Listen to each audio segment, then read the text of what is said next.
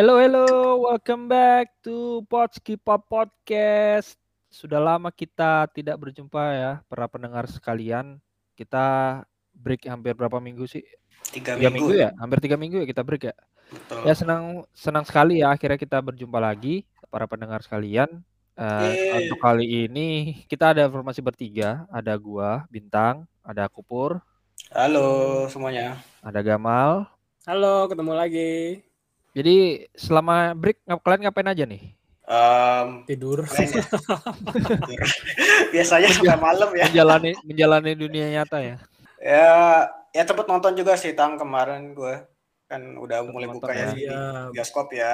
Iya betul sekali bioskop bios- bioskop udah buka terus kemarin sudah ada tontonan yang menarik ya di Netflix itu Squid Game yang lagi pengen Iya. banget kemarin pas kita break Gue belum nonton tuh. Sama sekali Nonton pur, nonton pur. Sama sekali tidak. wah gimana sih Pur mungkin lu harus ya, untungnya lu bukan orang orang yang FOMO Pur ya jadi kalau orang FOMO kan Iya. mungkin yang nonton Squid Game itu kan banyak kan yang FOMO kelihatannya ya jadi Gitu. pada langsung nonton semuanya ketika vi- apa serial itu viral tapi ya lu mesti nonton sih Pur biar tahu sensasinya Nonton pur. Bini gue aja nggak suka Korea tapi lihat gue nonton jadi tertarik nonton dia. Oh gitu. Ya nantilah Iya. gue coba. Dia semacam semacam ini semacam Saw semacam Hunger Games Mm-mm. cuman ada sentuhan drama sedikit lah Iya. Iya. Sebenarnya gue udah baca kayak sinopsis singkatnya sih, tapi ya belum tergugah untuk nonton sih. Kayaknya agak berat soalnya filmnya. enggak enggak berat sih Agak berat. Dibilang berat nggak juga sih. Siap siapin Iya. ini aja apa ya? Siapin Mental. emosi aja lah. Oh emosi. ya Oh, emosi emosi. siapin waktu buat nonton ada s- 8 episode ya Oh, Oke. masing-masing Iya, episode 8 tuh episode. ham- kurang lebih hampir sejam ya lumayan lah worth to watch buat uh, Oke. ngisi-ngisi waktu Kalau mau yang ah. unyu-unyu nonton Hometown Caca-Caca pur. Hmm. kupur lagi Itu lagi trending trending nomor satu juga di Netflix. Korea aja yang lain gak ditonton apalagi yang kayak gitu gam yang bener-bener drama Ya, gue emang jarang nonton Korea sih. Mungkin ya harus lebih open minded juga ya nonton. Coba ya nonton Korea. berdua sama Vini. Unyu gue nonton hospital playlist saya juga nggak kelar gam Gue nggak nonton. kalau yang terlalu terlalu drama-drama gitu ya ya tapi ya mungkin selera masing-masing tetap aja mungkin Betul. bisa direkomendasiin juga ya ya anyway kita kemarin tiga minggu break itu karena kita lagi detox dari podcast ya detox dari podcast anjir, anjir. Apa tuh? Enggak, enggak, enggak. Kita tiga minggu kemarin break ya karena ada kesibukan masing-masing yang tidak Oh. bisa tidak bisa kita tinggalkan. Hmm. Jadinya akhirnya kita break dulu podcast dan kita masuk ke episode yang keberapa nih ya? Dua-dua nih kayaknya. dua-dua episode dua. Kita akan membahas semua hal yang selama ini kita terlupakan ya. Dan beberapa film sudah muncul ya di bioskop dan karena Mm. bioskop itu sendiri udah buka makanya film-film tersebut akhirnya dirilis secara teatrikal. Mungkin yang pertama kita akan bahas dulu nih. Bioskop sudah buka ya. Jadi Mm. hampir semua jar- jaringan bioskop itu 21, CGV, Cinepolis itu Mm. sudah buka. Kalian udah nonton belum? Gam lu udah nonton Gam di bioskop Gam? Udah, alhamdulillah setelah hampir 2 tahun tidak ke bioskop merasakan kembali kemarin. Dua tahun Gimana ya? sensasinya? Mak? Gimana, Pak? Rame banget pur kemarin. Serius? Wah. Itu lo Wah, nonton seru di mana sih, tuh? seru sih. Nonton di mana? Di The Breeze, IMAX. The Breeze. Oh, Jalan kaki dari rumah. Wah, Loh. oh iya ya. deket ya. Itu penuh satu bioskop atau gimana? 50% lah. 50 Iya, mau maksimal. Bukan 50%, Ya, bukan maksimalnya 50%. Gimana ya? Ya berarti penuh itu. Kan batasannya emang 50%, Pak.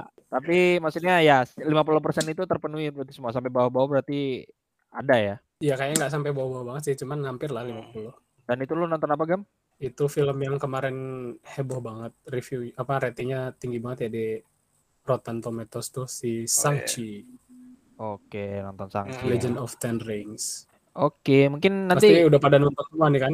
Ya, kita semua Ya. udah nonton. Di episode kali ini kita akan membahas ya spoiler review dari Sangchi. Mungkin nanti kita akan membahas di sesi selanjutnya. Hmm. Mungkin gua ke Kupur dulu, Pur. Lu udah Hmm. nonton apa, Pur, selama di bioskop, Pur? Dua minggu kemarin ya, gue juga udah nonton Sangchi juga di oh, mana kemarin tuh di Cinepolis sama Sabtu kemarin ya Sabtu kemarin eh Minggu Minggu kemarin gue juga udah nonton apa film James Bond yang terbaru uh, No Time to Die. Oh, Itu sih. oke. Itu gimana? Lu eh, di di sana penuh atau gimana? Gue itu kan uh, masuk itu pada saat jam pertama ya itu nggak terlalu penuh sih. Um, gue di karena gue kemarin ke Cinepolis ya, tang ya di Living World. Mungkin kalau misalnya ke 21 yang ada di SKA ya Access On kayaknya lebih rame deh. Soalnya dulu sebelum dulu pas bioskop udah buka yang sebelumnya itu gue ke Access On itu emang jauh lebih rame daripada yang Cinepolis ini sih. Tapi ya biasa kan Access Point kan memang lebih banyak studionya kan. Jadi ya Betul, wajar lebih betul. rame. Tapi yang menarik ini kayak kemarin tuh di Access Point itu gue ada popcorn ya kalau nggak salah. Tapi kalau yang di Cinepolis ini nggak ada kemarin ini. Bukannya nggak boleh makan ya? Nah iya Pak, mungkin itu yang barunya. Kalau sebelumnya sih ya boleh sih, mal yang sebelum yang pada saat bu- bioskop buka yang sebelumnya ini. Tapi mungkin ada kebijakan baru ya. Nah, kemarin kalau nggak salah itu persyaratannya pada saat awal buka tuh belum ada boleh F&B itu yang buka, belum ada boleh Hmm, makan juga di bioskop. Cuman kemarin kalau nggak salah setelah revisi PPKM baru ya, itu Hmm. sudah mulai boleh Oh, eh, oke. makan di bioskop itu kalau nggak salah. Tapi di, di beberapa daerah aja mungkin ya. Seperti Jakarta tuh kelihatannya sudah boleh. Tapi makannya 20 menit. Enggak. Tapi makannya ini, makannya harus keluar dari bioskop. Iya, gue malah kebalikannya yang yang bioskop buka sebelumnya malah boleh makan, yang sekarang enggak. Itu sebelumnya Iya. kan yang sebelum PPKM Iya, itu kan, sebelum betul. yang kejadian bulan Juli kan ya. Eh, anyway, kemarin pas kalian nonton gimana eh, kondisinya? Kan kita di episode sebelumnya kan kita bahas ya.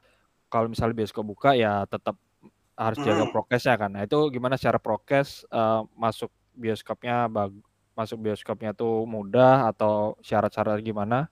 Dari Kupur dulu dah coba.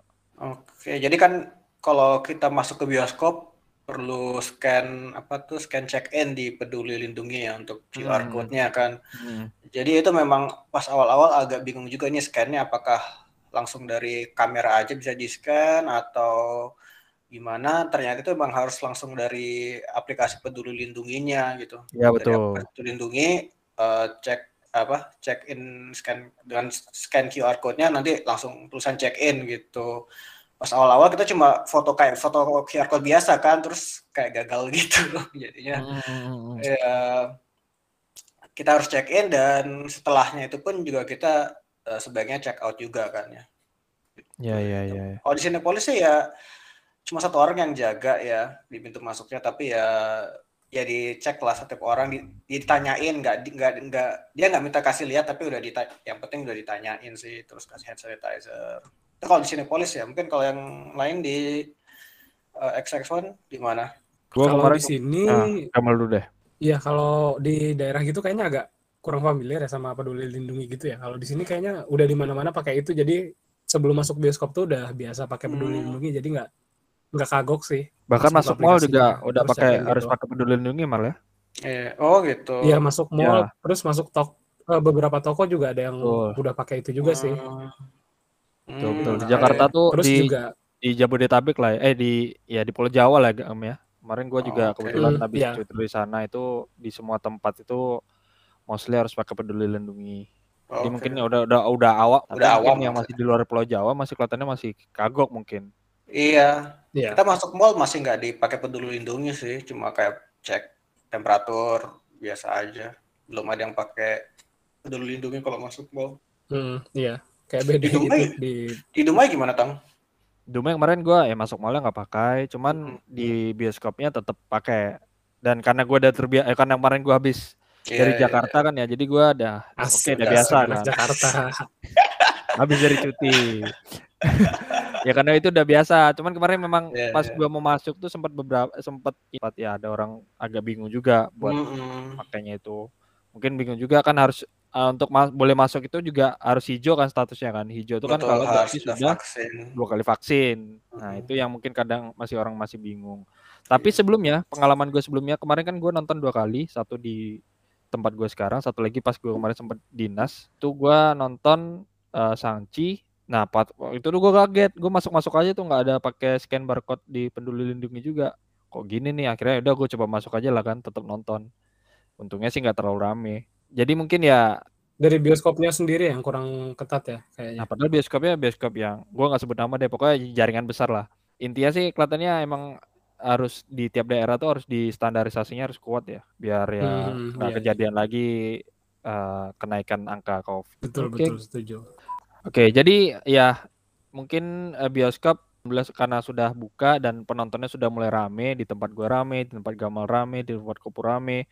Ya mudah-mudahan ini tetap bisa bertahan seperti ini. Semoga kenaikan kasusnya tidak Amin. tidak naik lagi yang secara drastis sehingga kita bisa nonton eh, di bioskop tuh dengan aman dan tenang dan bisa menikmati. Karena jujur gua pas nonton bioskop tuh bener-bener auranya berbeda kan, nggak kayak kita nonton di rumah kan. Iya, Suara Iya. jedum-jedumnya, terus suara ya, all kangen around- banget sih sama suasananya sih. suara all around you itu loh yang wow ini yang gue pengenin Apalagi kalau di. IMAX ya, kayak Gamal. nah iya nih gue pengen banget nonton di IMAX tapi Iya. ya yang penting bertahap dulu lah kita nonton bisa nonton aja di bioskop udah seneng banget oke mungkin kita bertiga kan udah nonton Sangchi ya jadi kita mungkin lanjut ke review tentang film Sangchi ini Wis. Shang-Chi and the Legend of the Ten Rings. Mungkin karena ini udah filmnya udah dua minggu yang lalu, jadi mungkin kita ngomongnya eh, spoiler review aja lah ya.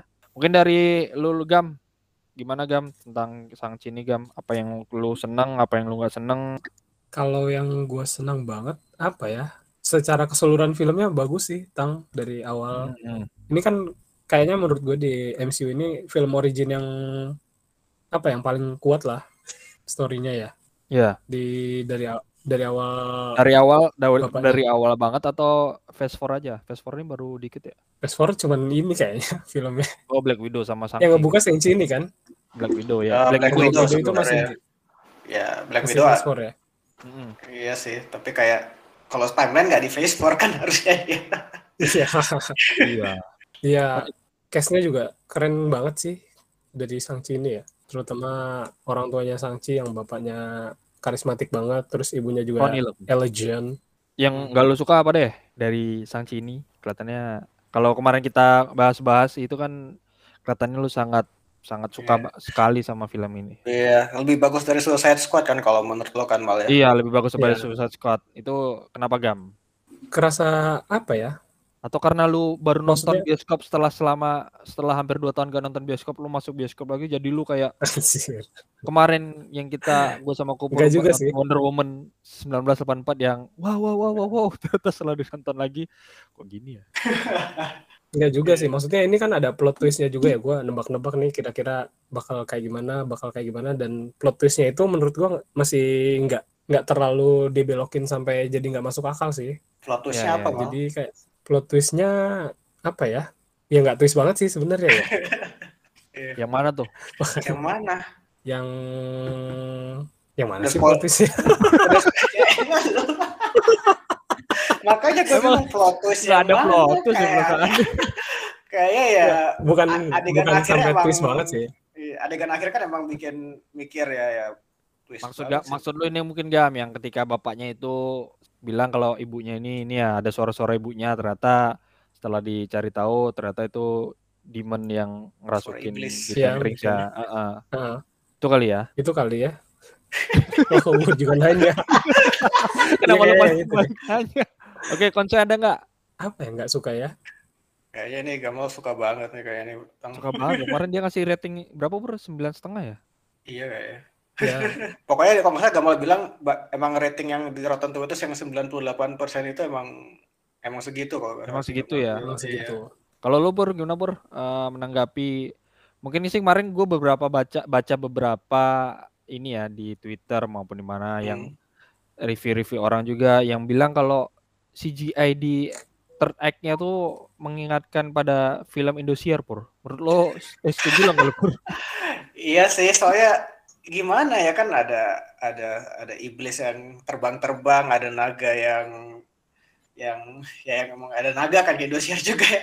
iya. Tapi nggak se-Indosiar Wonder Woman 984 sih, Tang. Masih lebih bagus daripada itu sih. ya dengan ya mungkin kan ini kan film origin ya mungkin CGI-nya ada batasan juga lah budgetnya ya. Tapi menurut gue masih lumayan bagus lah CGI-nya nggak nggak jelek-jelek amat lah, cukup lah. Dan selain itu kan juga menurut gue ini ceritanya itu memang bagus lah. Kayak mau tadi bilang ini origin story-nya mungkin emang paling bagus karakter development-nya si Sangchi dan yang menurut gue menarik itu adalah hubungan si Sangchi itu dengan ayahnya ya dinamikanya kan bahwa, bahwa gimana si Sangchi pun meskipun sudah kabur um, dia pada akhirnya juga pada saat ketemu, ketemu pertama kali dengan bapaknya juga langsung kayak ada mungkin ya, ada rasa kangen, kangen juga ya rasa hormatnya masih ada di situ. selama ini bapaknya. Dan ternyata memang si uh, karakter si bapaknya itu juga sebenarnya udah tahu juga si Sangchi udah ke mana. Ya di biar ya biar dia untuk mengeksplor diri dia sendiri dulu lah si bapaknya itu kan kepada Sangchi kan. Mm-hmm. um, itu menarik sih itu menurut gue yang jadi salah satu highlight dari cerita ini selain itu dia juga pada akhirnya kan si Sangki juga akhirnya menerima sisi dari ibunya dan juga dari sisi bapaknya juga gitu. Kalau terlihat di scene terakhir yang dia berantem sama di iblisnya itu ini agak uh, detail sih kuda-kudanya itu dia bukan kuda-kuda ibunya aja tapi juga kuda-kuda ayahnya juga yang pakai apa pakai fist kan kalau bapaknya kan pakai fist kan kalau ibunya kan lebih pakai tangan gitu kan pada akhirnya dia gabungin kedua stylenya itu sih pada saat dia bunuh iblisnya itu. Lo setuju nggak kalau di eh, gue bilang ini nih lebih filmnya bab ayahnya Sangchi daripada Sangchi sendiri? Karena memang menurut gue sendiri ya, gue sendiri bilang kalau ini uh, si aktingnya Tony Leung itu mengalahkan yeah. aktingnya si siapa pemerannya Simon Simon Liu. Simon uh, Liu. Simu Liu. Simu. Simu Simu. Simu Liu ya. Hmm. Itulah Simu Liu lah. Lu setuju nggak? Bahkan dari segi kostum sendiri pun gue juga ini lebih, suka lebih, bagus, lebih bagus kostumnya Bapak, apa? Ya? Lebih bagus kostum iya bapaknya bapaknya Sangsi pada Sangsi sendiri. Gimana? Gampur. Mungkin gamal lah. Kalau gue sih nggak setuju, Tang. Hmm. Maksudnya sih ya segimanapun karismatiknya si bapaknya itu ya tetap point of view ceritanya kan dari si Sangcinya kan. Mm -hmm nggak nggak segitu diliatinnya point of view cerita dari bapaknya biarpun ya emang bapaknya kalau ditampilin di sini mencuri sekali iya cuma tetap dari awal ya yang ditampilin point of view dari si sangcinya ini betul ya, ya. meskipun dikasih lihat dua sisinya ya malnya sebenarnya kan ya. juga bagaimana bapaknya tuh desperate banget kan buat ketemu hmm. lagi sama istrinya kan Ya tapi bisa dibilang mungkin uh, inilah ya, still the show lah ya. Uh, ya, still the show banget sih kalau ya, still the show. Betul sih. Ya dia kan jam terbangnya lebih banyak ya, mau gimana lagi ya. Ya, si ya, Simbulio ya. emang ya akting aktingnya Simbulio nggak jelek gitu, bagus. Tapi ya ya si Tony Leung memang lebih berpengalaman ya lebih hmm, luar biasa sekali sih bapaknya. Hmm, hmm, hmm. Terus ngomongin ini, ini kredit di mana si Sang Cinya akhirnya jemput sama Wong untuk bertemu dengan untuk bertemu dengan Hulk dan Captain Marvel ini berarti kan dia bakal span untuk di Phase 4 ini ya. Jadi menurut kalian ini kira-kira eh, ringnya itu, ten ringsnya itu adalah apa itu? Apakah barang eh, barang barang zaman dulu kala barangnya siapa gitu? Gue sendiri masih nggak tahu nih kira-kira hmm. ngelit ke mana itu gimana? Kalau gua kayaknya ini ya ditambah ada bakal film Eternals lagi nanti beberapa waktu ke depan. Kayaknya barang bikinannya Celestial sih ketinggalan. Ya barang yeah. mereka buang bikin apa aja sih emang? Ketinggalan Celestial di bumi, terus Eternals ya? sama si Mandarin ini. Celestials kan bikin Eternals dan bikin Deviant kan. Ya gue setuju sih sama Gamal sih. Mungkin itu antara peninggalannya Celestial atau mungkin peninggalannya uh, siapa? Uh, Eternals ya. Tapi bener juga sih kayaknya lebih cenderung celestial ya soal katanya si siapa katanya si Bruce kan umurnya udah jutaan tahun ya kalau nggak salah. Lama banget kan? Ya, udah ya, lama banget. Iya. Lama banget gitu. Nggak kayak itu malah kalau dia bilang kayaknya ya. Iya. More ancient than you know. Iya. Atau ya mungkin paling terdekat nanti ngarahnya ke Eternal sekali ya. Mungkin di iya. Eternal akan dibahas karena di Eternal sendiri mereka juga nanti akan bahas kenapa mereka nggak muncul selama ini Hmm. Terus mereka kan juga lebih ke udah dari masa lalu eh masa bukan masa lalu umurnya mereka kan udah tua juga kan ya? Iya udah ribuan tahun dari kan, ribuan tahun juga. Mungkin mereka nanti ada penjelasan terkait itu gitu kan. Mm -hmm. tapi uh -huh. gue ada satu pertanyaan yang belum ke, ke jawab ya di film Sangchi ini. Si naga sama demonnya itu dari mana ya asalnya? Dari multiverse. Dari multiverse dari... iya. Kalau dijelasinnya itu mereka dari universe yang lain dari dimensi atau universe yang lain gitu. universe beda kan kalau universe ini pemahamannya sama dimensi kan kalau universe ini kan yang kayak bisa paralel gitu kan kalau Ah. dimensi kan kayak Dormammu gitu dari dimensi lain Masih satu universe pur, pur. Eh, betul kata Gamal. Mungkin dimensi dimensi lain tapi satu universe. oke tapi kan kalau dimensi lain harusnya si Sorcerer Supreme itu ikutan ini juga dong enggak ya ya ya intinya adalah di dunia dari dunia lain lah intinya siap-siap pusing lah nonton MCU Fast Four ini Iya. Penjelasannya mungkin harus lebih spesifik ya Hmm. dan lebih detail. Karena ini menjelaskan tentang dunia yang berbeda. Oke, anyway, gua sih nggak terlalu bukan nggak terlalu sih. Gua suka sama Sangchi kayak bilang Gamal ini film yang solid buat eh, sebuah film solo di MCU. Selama ini kan film solo MCU kadang-kadang nggak terlalu solid, tetapi ya nggak semain- syarat aja ya Iya, tetapi nggak semain blowing. Nggak, gue nggak setuju sama nilainya yang ada di Rotten Tomatoes. Mungkin terlalu ketinggian. Mungkin pada ke bawah hype. Gue lebih setuju paling paling ya. sukanya Marta aja sih tang Bukan, nggak nggak. Tapi memang nggak se mind blowing itu gam. Gue kira ngarep 9 tuh kan berarti bakal sebuah film yang mind blowing kayak Dark Knight lah ya. Tapi ya ternyata ya lurus-lurus aja gitu. Sewah Lu pas cerita ibunya dibunuh tuh nggak nangis tang gue lebih nangis ngeliatin. Kan ngeliatin si Gang Gihun sama Gang Bunya itu lebih sed- nangis gue. gue lebih sedih pas bapaknya mati sih sebenarnya sih maksudnya ya meskipun jahat tapi ya akhir ya di akhir-akhirnya dia sadar juga kan dia Ini klise gak sih kayak gitu?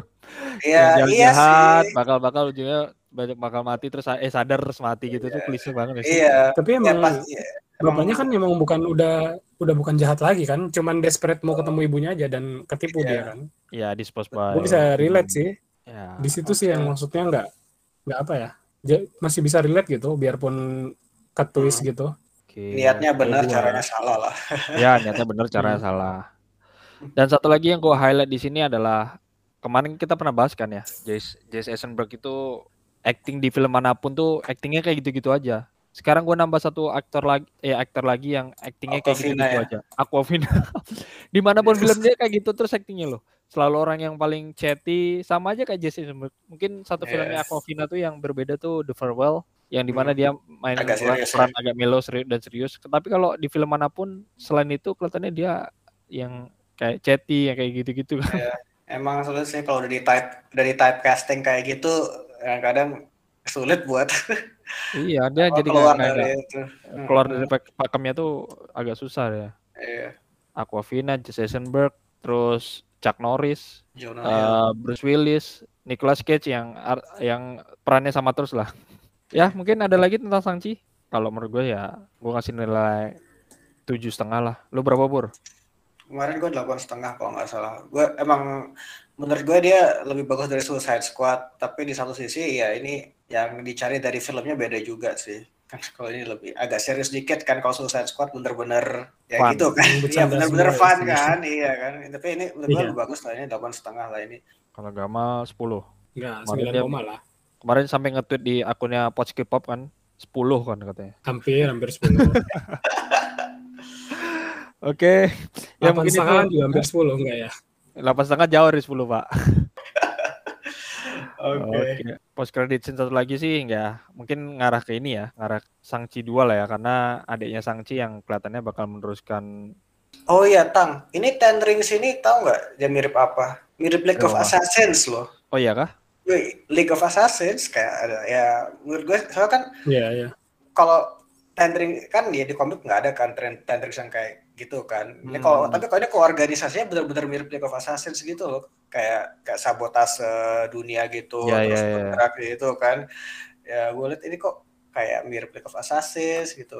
Ya mengambil Dan apalagi pemimpinnya juga pemimpin yang ab- immortal abadi Immortal juga ya, kan ya. yang namanya Iya. bakal ada terus ya.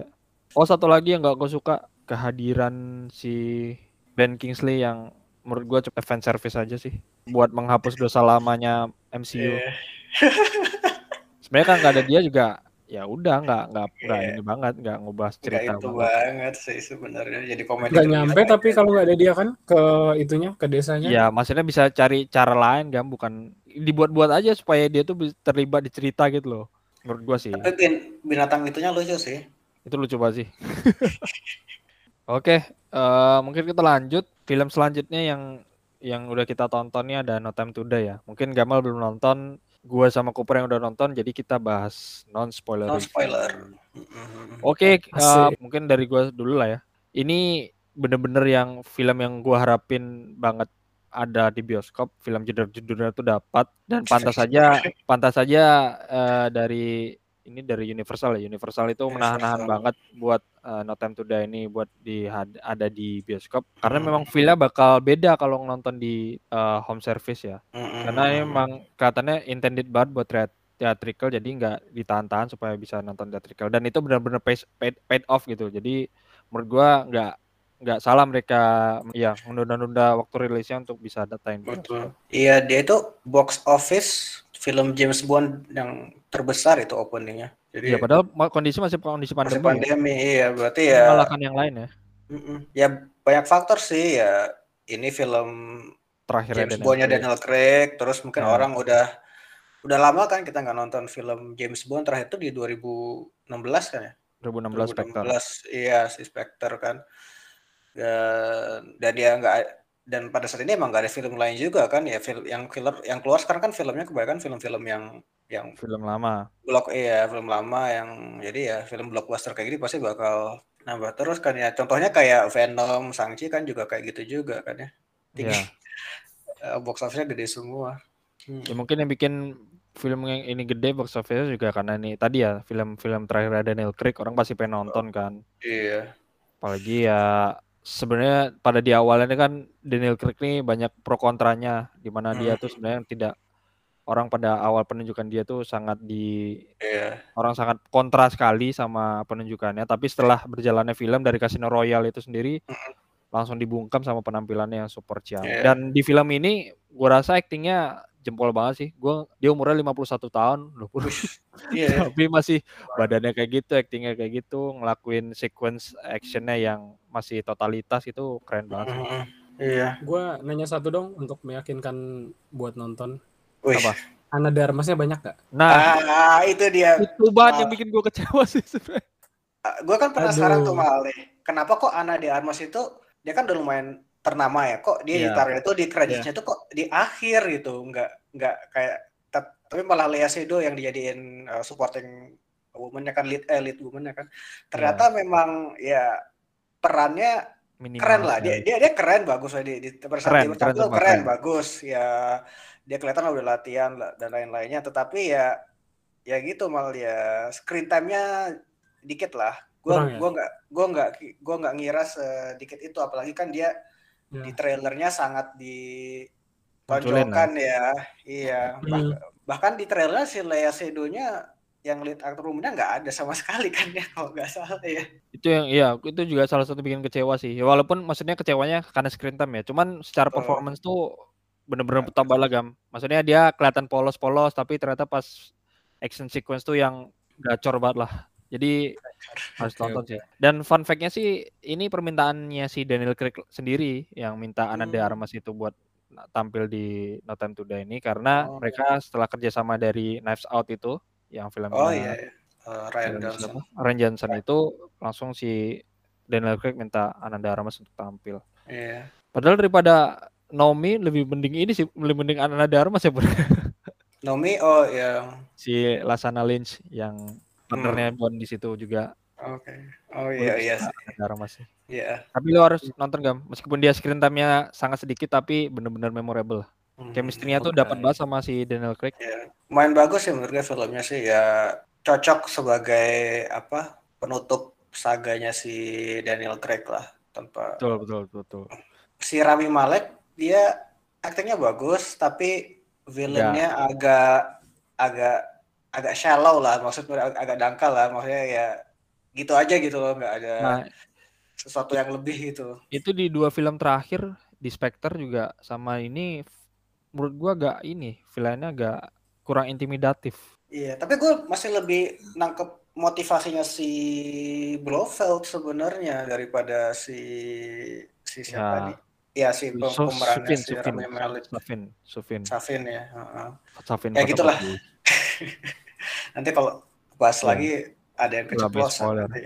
Tapi ya gue ya satu yang tadi kan uh, gue nggak suka sama antagonisnya sama Hmm. gue agak kecewa sama ini sih epilognya lah Oh, agak kurang gimana harusnya gimana gitu. Gak Oke. menurut harus nonton? Oke.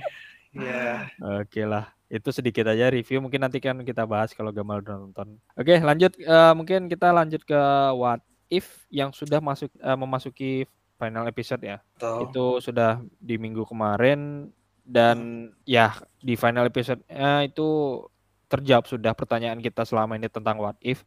Apakah semua ini terconnected atau tidak? Dan ternyata terconnected karena dikarenakan oleh satu event yaitu Iya. adalah kemunculan Ultron. Ultron yang menggunakan Infinity Stones. Ya di Mm. di universe-nya itu bukan Thanos ya yang menggunakan yang mempunyai Infinity Stone tapi ternyata Iya, Ultron. Ultron. Ultron yang berada di badan Vision. Iya. Gam gimana Gam? Lu udah nonton kan? Jadi lu bisa berkomentar tentang ini. Oh, Gamal udah nonton ya? Udah. Ada. Siapa? Belum coy. Oh belum. lah. Aduh, Yaudah deh. eh, emang gak tertarik saya. Ya wajar sih, Pak. Ya ya ya. Mungkin agak orang kecewa adalah kenapa pada awalnya sebenarnya kan yang punya Infinity, Infinity Stones itu si Thanos semuanya kan Betul, lengkap kurang kecuali Mind Stones. Mm. Tapi dengan gampangnya tiba-tiba Ultron yang punya Mind Stones di dari badan Vision membunuh Thanos seketika. Iya, Itu, apakah itu lazy writing atau intended seperti itu, Bur? ya ya emang lazy writing sih tapi ya kalau mau di mau dikasih pembelaan bisa gitu si Thanosnya nggak siap tapi ya kok bisa nggak siap gitu kan Iya. Punya Infinity Stones sebanyak selengkap itu kecuali Mind Stone Iya. kan. ya aneh aja kenapa kalau misalnya dia nggak siap pun kan dia bisa pakai time stone-nya lah atau pakai power stone-nya untuk Iya. bikin shield atau perisai gitu kan tapi ya ya tapi ceritanya mau gitu mau gimana lagi sih Ya, Kan, mungkin ya. ini karena serial jadi ya mungkin Ya people udahlah. don't take it seriously kali ya. Mungkin penulisnya Iya. mikirnya pikir mikirnya gitu. Dan yang itu kemarin perta- eh, pertanyaan kita kan eh, semua terconnected. Terconnectednya karena siapa? Karena The Watcher. Ternyata The Watcher ini selama ini memang multidimensional ini ya, Multiversal keeper ya, multiverse Mhm. keeper ya. Jadi ternyata Ultron itu sudah membasmi semua human being, semua planet yang ada di universe-nya. Mm-mm. Tiba-tiba dia menyadari ternyata masih ada The Watcher ini dan akhirnya dia Hmm. bisa mendobrak multiverse multiverse-nya dan mengejarkan ya, universe yang lain. Eh, dan akhirnya The Watcher ini meminta bantuan dari ke 8 episode bintang utama di 8 episode kemarin sebelumnya dijadikan Hmm. satu untuk mengalahkan Ultron. Iya. Jadi gitu Gam. Jadi Watcher ini kayak Nick Fury-nya lah. ya kayak ini Fury-nya di di serial What If. Iya. Tapi gue bingungnya kenapa harus mengumpulkan ya kayak tadi kan sebenarnya ada Tony Stark yang ingin Ga- Gamora pur ya. Tony Starknya nggak Mm-mm. diajak padahal ya kalau ngajak yang lainnya itu kan bisa bantu-bantu juga. Ya, dia mungkin dia udah tahu sesuatu yang kita sebagai penonton nggak tahu. Mungkin kalau Tony Stark ikut nanti ada aja yang terjadi atau apa gitu yang nggak sesuai rencana. Mungkin ya Atau buat kan dia udah bilang juga animasi. ya nggak tahu lah. Tapi ya masa itu di, di episode yang itu kan kita benar-benar nggak lihat eh, background si Tony Stark sama Gamora kan itu kan jadi kita nggak tahu juga itu kenapa mungkin kalau misalnya dikasih lihat episode tentang itu kita jadi tahu oh makanya dia milihnya si Gamora bukan si Tony Stark. Tapi ya, kalau menurut gue sih masing-masing udah ada perannya lah. Mungkin menurut yang menurut watchernya itu jadinya memang nggak perlu mungkin. Ya ini dia bilang kan dia udah bisa udah udah melihat juga ke depannya ya. Agak aneh sih ini yang gue soalnya kan di pada akhirnya kan si Doctor Strange-nya bilang oh lo udah tahu ya sebenarnya akhirnya bakal seperti ini. Iya tapi kok bisa udah tahu jadi ya Bohong Iya. aja dong dia panik kok. iya biar nggak biar nggak hilang muka ya Udah nggak hilang muka. Tapi yang yang bikin banyak pertanyaan juga tuh Infinity Infinity Stone-nya itu kan berasal dari universe-nya Universe Ultron. si Ultron kan. Tapi Iya. ketika dia pindah multi pindah universe kok dia Kok bisa menggunakan itu, Bur? Gimana, Bur? Iya. Itu yang agak aneh sih, soalnya kalau di komiknya itu memang kalau ya kalau misalnya pindah universe, misalnya dari universe Marvel ke universe DC, DC ya nggak bisa kepakai itu si Infinity Stone, Infinity Ah, Stone ya. betul.